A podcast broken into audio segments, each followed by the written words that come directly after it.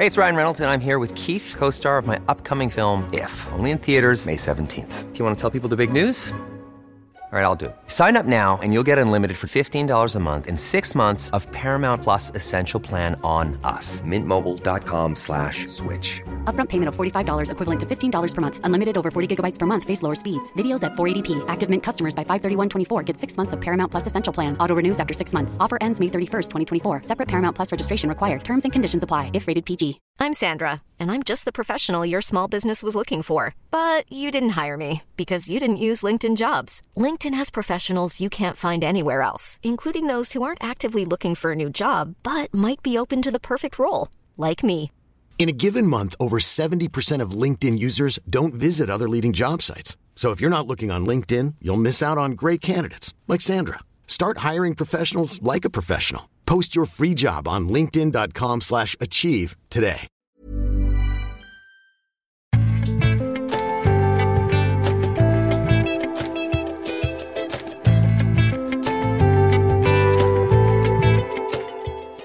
Nyttårsforsetter, kongelig tro og presidentvalg i USA.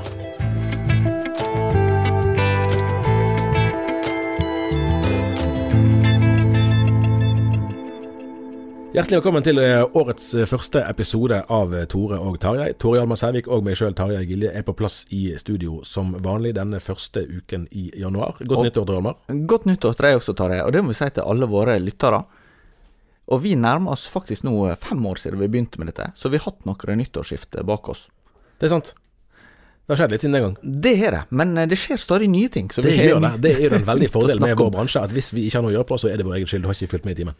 Eh, og en av de tingene som du nevnte nå før vi begynte å ta opp, det var at 19. januar er den dagen da flest gir opp sine nyttårsforsett. Ja, for vi, vi diskuterte litt, er det egentlig et poeng å ha en bolk om nyttårsforsetter nå? Er vi allerede der, i dag er det 4. januar, at det er på en måte for seint?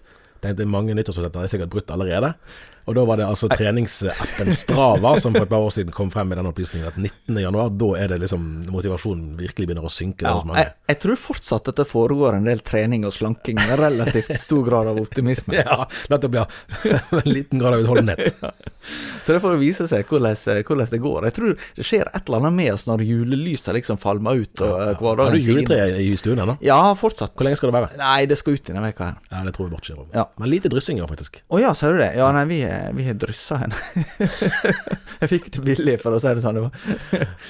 Men, men Men det Lysen tror jeg er lenger enn før. Ja, det, det kan godt hende. For det er jo litt en sånn mørketid. Eh, Ja.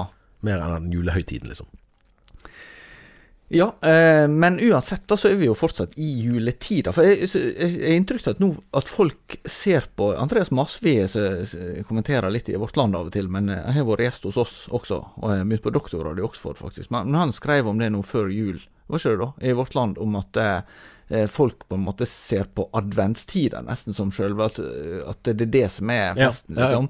Og, og, og finale, det er på en måte julaften, og så er jula over. Akkurat. Men det er jo egentlig da jula begynner. Ja, til, jeg, leste, jeg sjekket det på, på Wikipedia, til og med står det jo fremdeles der at den varer frem til 13. januar, egentlig. Ja, det er jo det. Så, så vi er i Men i praksis tror jeg det er det, altså det var jo en debatt om det på Dagsnytt 18 i begynnelsen av desember. eh, Og det var ikke en eh, kristen person i, eh, Nå vet ikke jeg om han var kristen, i, det kan jo være han var, men det var ikke- det var ikke derfor han var der. Det var i kraft av å være konservator på et museum, som snakket om det at han ville ha Altså beholde den tradisjonelle inndelingen i adventstid og juletid, mens poenget, altså motstykket, var jo mer og mer en erkjennelse av at, at juletiden egentlig begynner i slutten av november, i hvert fall tidlig i desember, og når vi kommer til julaften, så er det egentlig ferdig. Ja. Eh, Markedskreftene de vil jo gjerne feite oss opp fram til jul, og så vil de slanke oss etter jul. eh, og, og, Ja, ja, ja. og jeg tenker jo kanskje at eh, dette her har en slags eh, eh, kristen parallell også. For, for det å, å leve et kristent liv, det handler jo om helt konkrete hverdagsvalg. Mm. Og det er jo en del som går inn i det nye året med ambisjoner om å få et mer eh, ryddig eh, kristenliv, eller gudsliv. Eh, vi hadde annet en sak nå nylig om flere kristenprofiler som svarer på hvordan de skal lese Bibelen i 2024. Det kan skje både på papir, på app og gjennom tidebønner. Og um, jeg syns jo alltid det er noe fint med å kunne starte året i den forstand at det gir en slags anledning til å evaluere og tenke hva, hva ehm, skjedde i fjor, og hva skal skje neste år. Og Samtidig så, så kjente jeg litt samme med kristelivet som det med slanking og med trening. Det, det er litt sånn usunt, tror jeg, hvis at den skal liksom virkelig ta seg sammen, da. Jeg vil kanskje si det sånn at, at nyttårsforsetter er klart mest interessante når man kan snakke om de i fremtid. Ja. det er jo sånn. Men jeg tenkte i den forbindelse bare å høre, er det noe i 2023 når du ser tilbake, som eh, du er fornøyd med med det året? Det er sånt jeg syns, jeg syns er veldig vanskelig å svare på, for jeg blir helt sånn forvirret når jeg skal begynne å tenke sånn, hva var det som var i 2023, og hva var det som var før. Det, det, det må jeg tenke meg om. Jeg, jeg, jeg hva jeg skal svare på det sånn. Ja. Nei, jeg tenkte bare jeg skulle, eh, skulle benytte anledningen til Det er helt sikkert ingen lyttere som husker sånn, det, men, men, men jeg sa eh, en gang i sommer, tror jeg, at jeg skulle prøve å begynne å lese 'Krig og fred' av Ja. Leo Tolstoy. Ja, det var en roman på 1350 sider, og jeg ble ferdig 2. januar. Så når jeg, Gratulerer. jeg kom med en, takk skal du ha. Da har du lest 1350 sider mer Tolstoy enn jeg har. Ja, det er mye mer Tolstoy enn jeg Du hadde har kanskje lest mer av han fra før òg. Ja, jeg har vært borti litt, men jeg skal ikke si på ingen måte noen kjenner. Mm. Men jeg syns nok det er fascinerende med det, og, og, og grunnen til at jeg nevner nå i forbindelse med nyttårsforsettet, det er å sette seg noen mål om ting som en har lyst til å gjøre, så lenge de er realistiske. Men, men, men, men det tror jeg er litt sunt for oss, da. Ja. Men, så lenge det ikke blir denne, her, denne skippertaksmentaliteten. Eh, men, men poenget med eh, også med at den boka hadde sin verdi, at jeg blir så fascinert av eh, menneskekunnskapen Ja. så, så er der, og den dype erkjennelsen, selv om dette handler om Russland tidlig på 1800-tallet, Mm. altså under napoleonskrigene, da, eh, så, så er liksom perioder fram til eh, Ja, det det er jo særlig konsentrert om slaget ved Austerlitz i 1807, og så dette slaget med Borodino, eller hva det heter, i 1811, og så er det litt sånn ting rundt det, men så er det masse familier som er inne i bildet, og så er det enkeltskjebne og personlighetstype, og så bare tenker du disse her har jeg møtt. Eller Å ja, sånn det visst jeg også litt. Og det er nok det fascinerer med virkelig stor litteratur. Så jeg, jeg vil tenke at det, det å ha, ha et mål om å lese litt, da, det, det er ikke så dumt et nytt år. Nei da. Nei, det, og det er et viktig poeng det er altså for mange mennesker at uh, det å lese skjønnlitteratur Og det kan jo være i, for det kan også være å se på, se på altså gode filmer og TV-serier, Ja, ja, ja. eller i det hele tatt å være i kontakt med, med andre mennesker. At, eh, at det å, å møte levd liv, det, eh, det bør vi nok gjøre mer av. Ja, og så tror jeg at vi er omgitt av så mange distraksjoner i vår tid at det å ha noen klare prioriteringer for hva jeg skal fylle dagene mine med, hvordan sterk jeg er Men uten at det blir et sånn rigid skjema, da. Men, men å ha noen prioriteringer, det, det tror jeg er, er fornuftig, altså. Klarer du å liksom identifisere Er det en eller to ting om menneskesinnet da, som du sitter igjen med fra Tolstad, Liksom at, at det der bare går? Ja, altså, det overordna poeng i den observasjonen, det er jo noe å, å Nei, den romanen, det er jo å klargjøre hvor lite vi ofte forstår. Eh, for eh, han, Og det går på en måte alltid fra det storpolitiske, men hvorfor gjør Napoleon dette, og hvordan svarer Sara Alexander, og hvordan tenker generalene, og sånn. Men, men litt av det Tolstad reflekterer over, at disse her er jo prisgitt masse forutsetninger som de sjøl ikke har kontroll over i det hele tatt.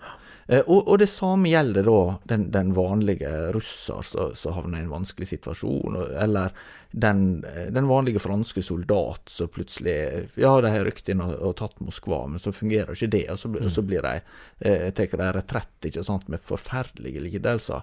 Og, så, og så bare tenker liksom ja, hvor mange av disse valgte egentlig dette? Ja. Hvor mye kontroll hadde de over at, at det ble sånn? Og, og um, så har du også hvor mye en er prega av personlighet. Og for somme personer blir jo skildra mer inngående enn andre. Eh, ikke minst en som heter Pierre, som er ganske, ganske sentral.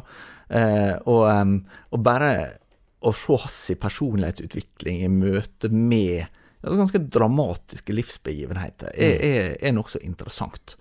Så, eh, så jeg syns at det, det viser litt verdien av å, av å å se på noe gamle bø- altså, Appetitten vår på, på litteratur vil jo være ganske variabel, men jeg tror det å lese litt eh, klassisk litteratur, det, det kan være vel verdt tida. Ja, ja.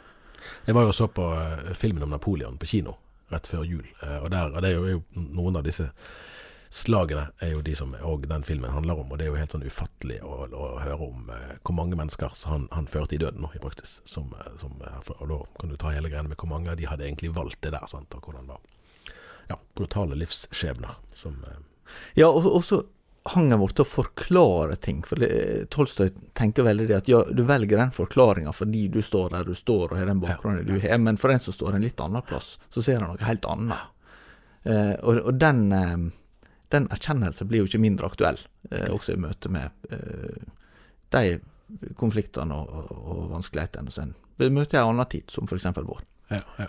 Med fare for, eh, for eh, smiger, så må jeg òg si at et av mine oppbyggelige høydepunkter i 2023 faktisk var å, bli, eh, å lytte ganske utførlig til podkasten Ulest.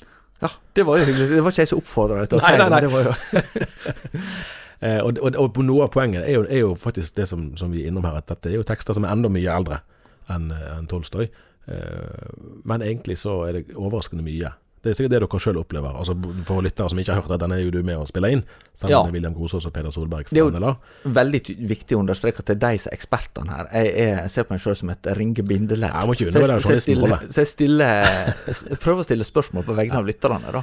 Men, men det har vært egentlig overraskende mange som har tatt kontakt og har har gitt positiv respons på det. Også folk som ikke trodde de var interessert i teologi. Ja, og det, og det må være noe av det beste. Det, og Ja. det er jeg ganske sikker på at det er mye formidling som skjer i den podkasten der som ellers ikke hadde skjedd. da Fordi Ja. at du må, Hvis du skal studere dette her som fag, så er det ikke det så mange som eh, kommer til å gjøre nei. det. Men, men det å gjøre det sånn tilgjengelig eh, viser jo ganske mye om at det menneskelige erfaringer fra 300- og 400-tallet kan fint være aktuelle Ja. i, eh, i vår tid. Og, og konseptet her er jo at vi snakker om én tekst fra hvert århundre kirkehistorie. kirkehistoria. Mm, Så det betyr at vi eh, Ja, nå skal vi i morgen spille inn for, eh, for 700-tallet. Nettopp. Jeg tror jeg, jeg, kom, jeg kom til 400-tallet i, i lyttingen, så jeg ligger litt bak. Ja.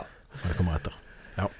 Men nå skal vi litt videre, og til ei dramatisk begivenhet, eh, man kunne si, i Dan iallfall uvanlig begivenhet i Danmark. ja, ja, uvanlig. Helt klart. Det må jeg virkelig kunne si.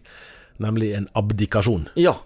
Eh, For noen år siden så vakte det oppsikt at eh, 2013, 10, 10, snart 11 år siden, så vakte det oppsikt at eh, pave Benedikt eh, abdiserte. Mm. Mm. Men nå er det altså dronninga av eh, Danmark, Margrethe, som eh, gir beskjed om at hun nå i januar eh, faktisk eh, trer av som dronning. Hun skal fortsatt ha tittel dronning, men hun Ja, skal ikke være regjerende. Nei, nei. Og, og det er jo uvanlig. Vi er vant med at eh, monarkene de Ja. sitter så De, de kan vel gå av eh, når de vil, for så vidt. Eh, og det skjer jo noen ganger, men, men høyst uvanlig. Og det ligger jo på en måte i kontrakten at de sitter til de dør. Og hun har jo ikke sittet så lenge sammenlignet med dronning Elisabeth. Hun satt i 70 år, har bare satt i 52 år. Men Men det det er jo en stund, da. Ja, Europas lengst sittende var hun vel nå, Ja. tror jeg.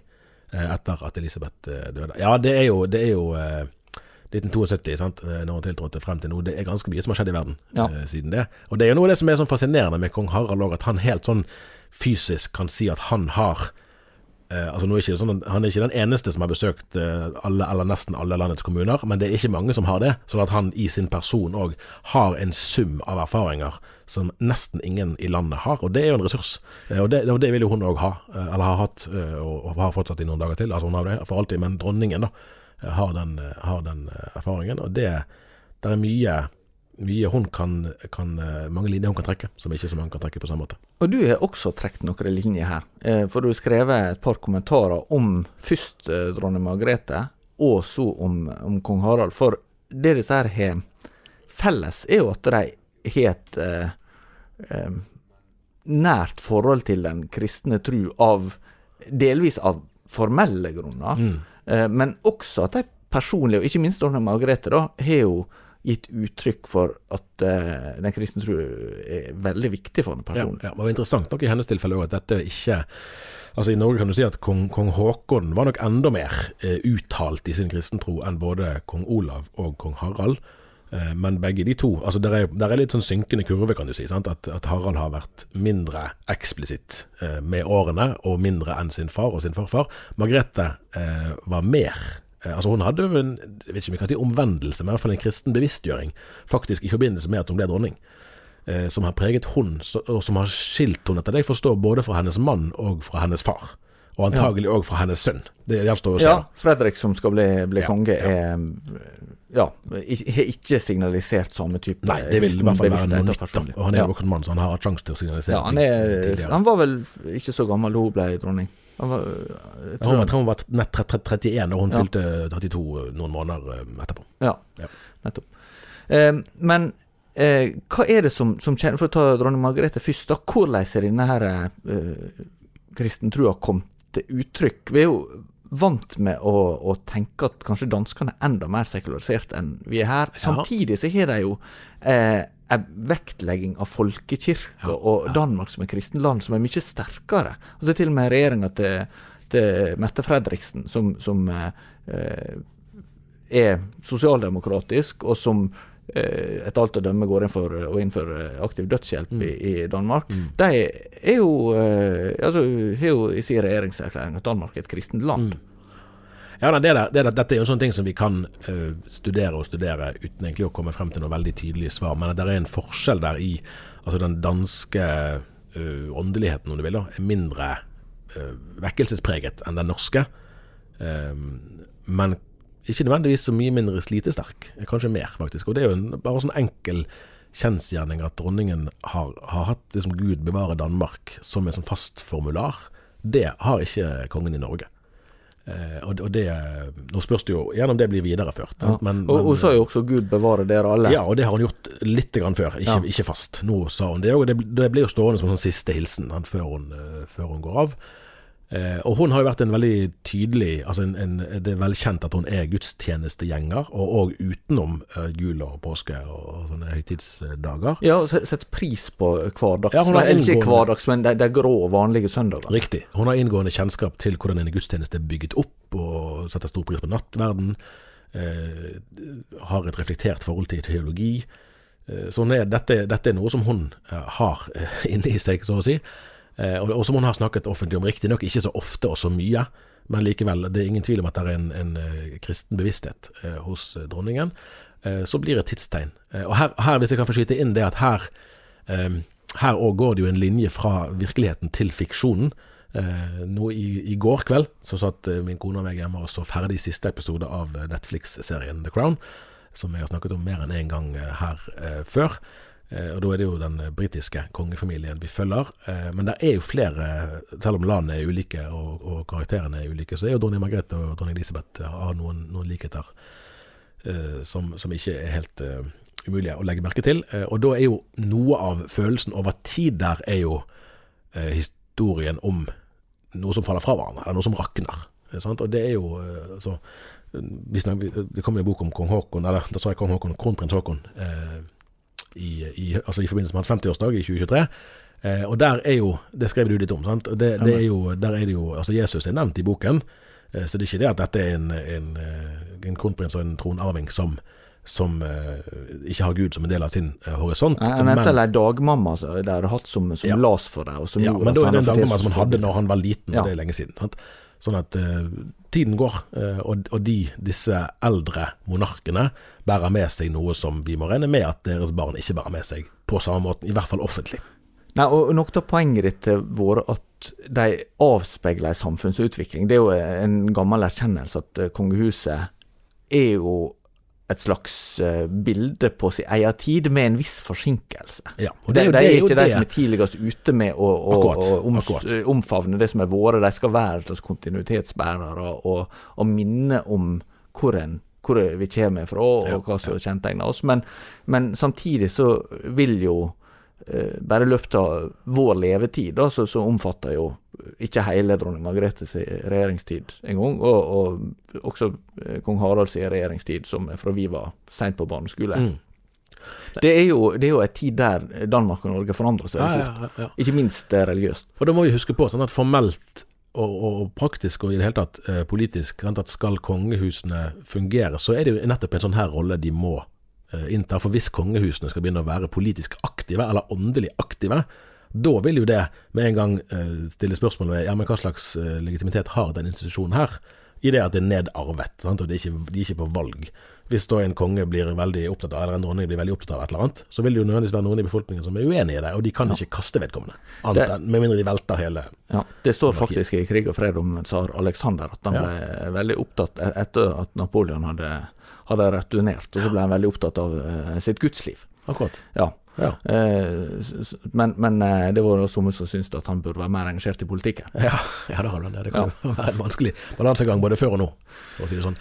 Nei, sånn at, sånn at uh, det å studere disse altså Det er litt artig for meg. Jeg har aldri vært noen sånn som har fulgt med på kongefamilier, hvordan det går med hvem som er gift med kronprinser og prinsesser, og hva de heter for noe. Det, det, det er ikke sånn at jeg har veldig interesse for det.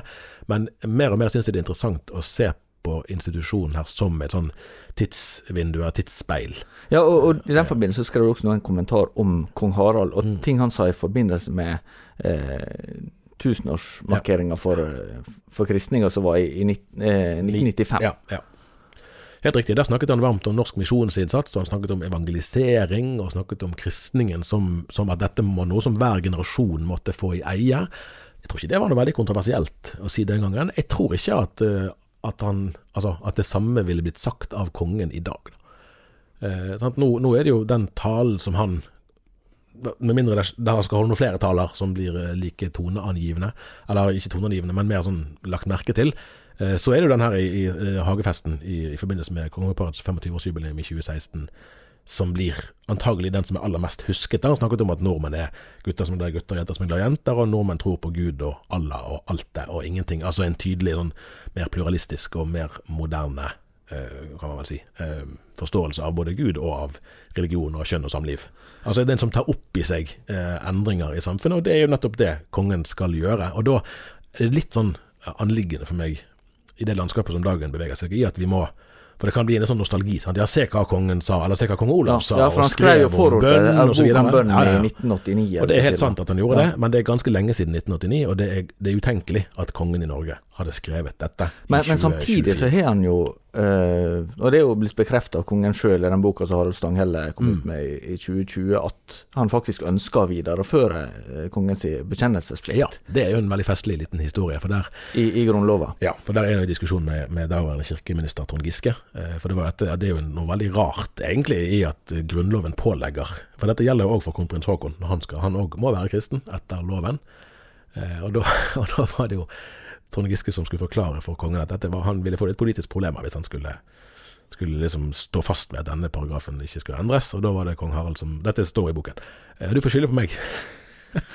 ja, det, det, det fungerte, da, for å si det sånn. Ja. Eh, men hva er det som, som er skjedd, da, tenker du, som, som gjør at det er så, så annerledes? Handler dette om det nominelle? Altså at det er færre som er medlemmer i Den norske kirke? For det er jo Den norske kirkekongen representerer. Ja. Det er jo og samme med de kongelige i Danmark og, og eh, Storbritannia, så er det knytta til en helt tradisjon for en statsreligion. Ja. Altså Det er jo en formelt fortsatt både i Danmark og i Storbritannia. Ja. Men her har vi ikke det lenger, så sånn sett framstår det kanskje enda underligere hvis du avvikler statskirka som slags konstitusjonell ordning, eller iallfall endrer statuset tydelig, at den da består den eh, formelle tilknytninga til kongen. Det kan du si. Eh, nå er det jo fremdeles en kjensgjerning både i Norge og Danmark eh, at, eh, at et flertall av befolkningen er medlemmer av, eh, av eh, den, altså folkekirken. Da. Og i England er det vel kanskje under 50, det vet du bedre enn meg. Eh, Ja, altså jeg har ikke nøyaktig tall, altså- de har ikke medlemsregistrering på helt på samme Nei, måte. Men, men i store bokstaver Ja. så er ikke det helt ulike. Nei, altså en, en forskjell i Storbritannia er at, at der ble det aldri så Der var jo den katolske kirke fortsatt mye Ja, mye er, sterkere. altså, ja. men, men likevel, det er en betydelig andel av befolkningen da, som, som uavhengig av om, om det i og for seg er statskirke eller ei, som, som er tilsluttet kirken, og det er det jo naturlig at kongefamilien tar opp i seg på en eller annen måte. Nei, altså, vi, vi kan ikke, man kan ikke se på kongen, i hvert fall ikke lenger, som en slags sånn eh, agent for konservativ teologi, bare det at han ikke kan si det så høyt. Det, det, sånne forventninger kan vi ikke ha til, til kongefamilien. Og det er for så vidt en nyttig, det kan være trist kanskje å erkjenne for en del, men det er en nyttig erkjennelse, og det er jo en viktig erkjennelse som vi har, har snakket om her flere ganger, bl.a. inspirert av historieprofessor Helje Kringlebotn Sødal på UiA, som har vært gjest hos oss to ganger, vel. Som snakker om at kristendom først og fremst vokser frem nedenfra. Det er ikke kongen som skal kristne folket, det er eventuelt folket som skal kristne kongen, eh, om så skulle være. Eh, og det er det nyttig og viktig å huske på. Eh, og så har kongen i Norge sagt sterke ting om kristen tro både før og for så vidt òg nå, men at det der vil nok avta eh, med årene, i tråd med at det avtar i befolkningen. Og det, det er bedre å ta det inn over seg og ha realistiske forventninger til et kongehus, enn å håpe at, at kongefamilien skal fungere som en sånn profetisk røst. Eh, Og så er det kanskje det en idé å ikke ha en altfor romantisk forestilling om hvordan det har vært før heller. Før jul så var jo vi i Hampton Court Palace eh, utenfor London, som var slottet til Henrik den 8., som innførte reformasjon i England. Han er jo, han er jo eh, eh, Knapt noe for Nei, altså han, han var jo gift seks eh, ganger. Og Og fikk tatt livet av to koner. ja, og skilt fra to andre. Ja. Eh, av mistanke om utruskap hos dem, da. Eh, og så eh, var han samtidig Han fikk tittelen 'Defender of the Faith' fra paven, for han skrev et skrift imot Martin Luther, der eh, Henrik 8. forsvarte eh, forsvarte de sju sakramenter i katolsk lære. Eh, Og den tittelen er jo blitt videreført. Den er Ja. blitt eh, i- videreført. Ja, kapellet var jo viktig Ja, ja, ja. i, i Hampton Court Palace. Der var vi innom og så på det, og der var jo kongen ofte. Eh, Men du kan tenke, dette er en mann som er veldig interessert i teologi, som blir stående som defender of the faith, og samtidig så tenker du Oi, dette her, her henger ikke liv og lære helt sammen. Nei, det kan. Så, så intet nytt under solen der heller, for å si det sånn. Du, eh, intet nytt under solen er det jo heller ikke at eh, det skal være valg i USA i år. Nei, og som vanlig er det tidenes viktigste presidentvalg. Det Ja. er sånn som som regel blir sagt. Ja. Ja. Eh, the, most, uh, the most important election in our lifetime. Hva er det du pleier å si for noe? At, at du, hvis du spår et eller annet uh, politisk, så går det motsatt? Ja, det stemmer. Så, så jeg har bomma på nominasjonen til Donald Trump, valgseier til Donald Trump, brexit og da gjenvalg. Jeg tror Donald Trump skal bli gjenvalgt. Ja. Og nå Jeg vet ikke, det, det er jo helt uvirkelig at vi er i den situasjonen med, med Joe Biden, som nå er 81 år, og, og eh, Er det? Han var 81. Han er, han er noen uker yngre enn mora mi, så jeg vet det Det er greit å huske. Og så eh, har du da Trump som er 77 nå, vel? Ja.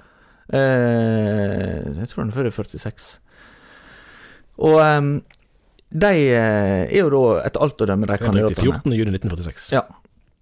De er etter alt å dømme de kandidatene som amerikanerne skal velge mellom. Ja. Om det kommer til å bli slik, det får nå vise seg. Ja, ja. Dette her kommer til å bli et veldig dramatisk år i amerikansk politikk, tror jeg. Eh, For, for dette her er Jeg tror det er en sånn gjensidig opplevelse at dette her kan vi bare ikke tape. Og samtidig så er det vel på begge sider da en følelse at eh, blant ganske mange om at vi skulle gjerne hatt en annen kandidat. Ja. Og det kan de jo faktisk få. Det kan Så for det egentlig er vel begge til, til sider få. sommeren egentlig Ja. at det er Det, det Landsmøter for begge partier er i sommer, ja. Sånn at det, det er jo da det formelt skal avklares. Og så begynner det nominasjonsvalgene nå.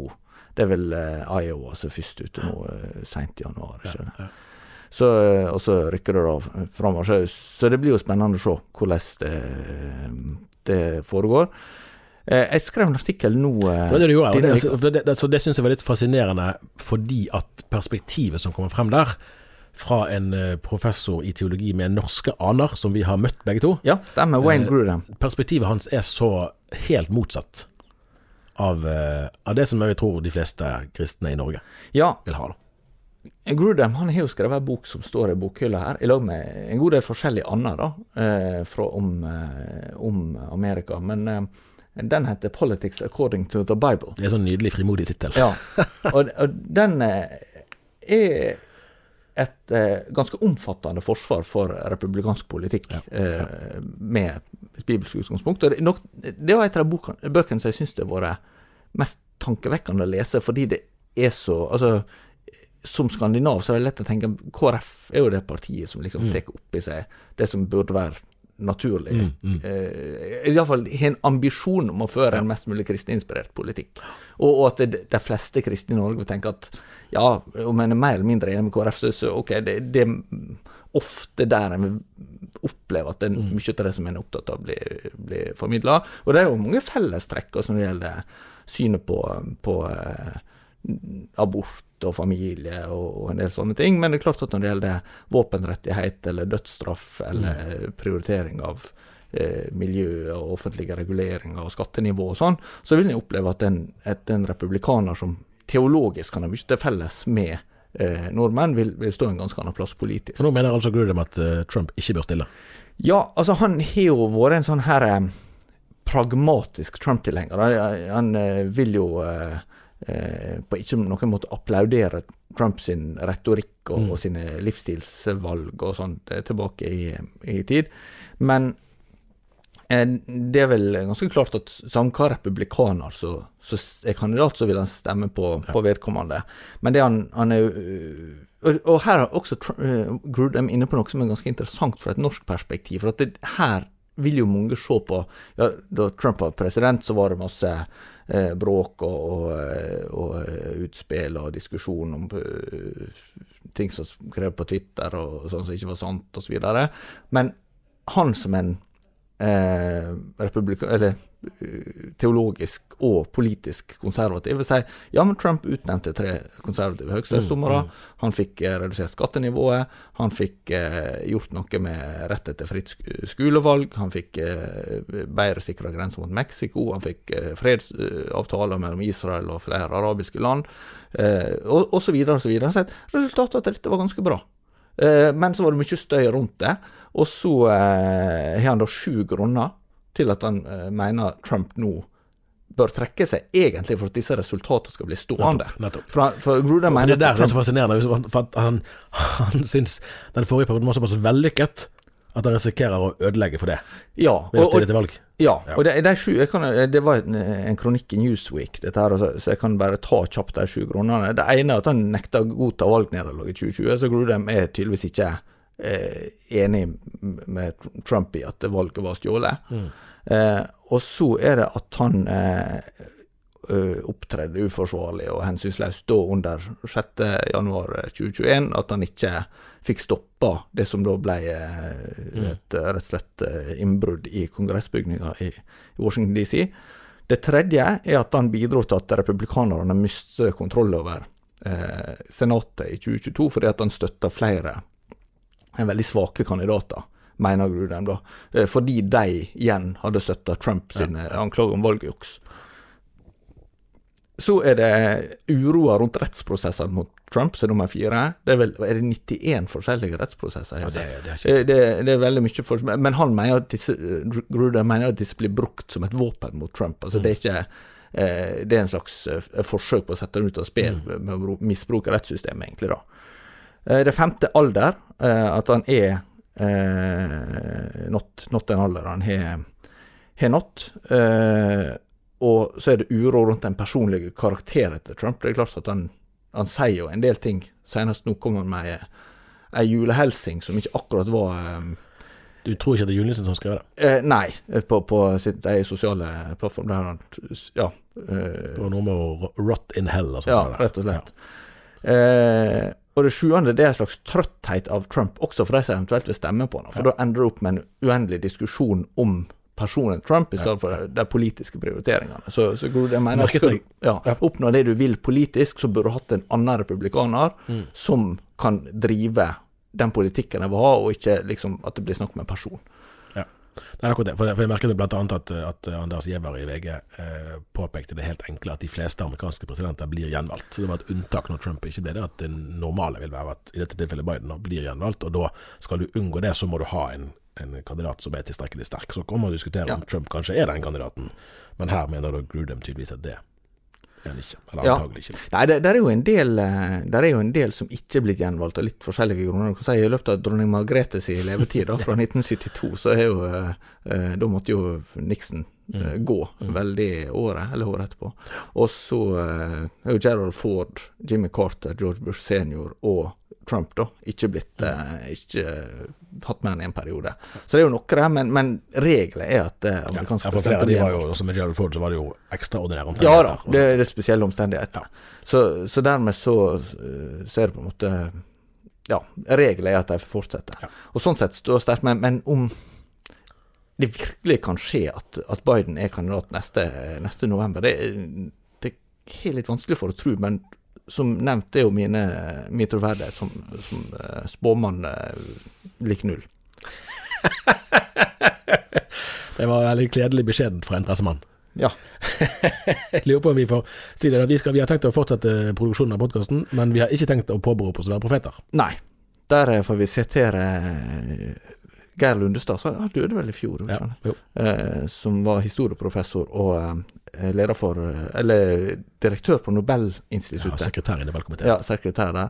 Eh, jeg er historiker, ikke profet. Med de ordene takker vi for oss i denne omgang, og vi er tilbake neste uke.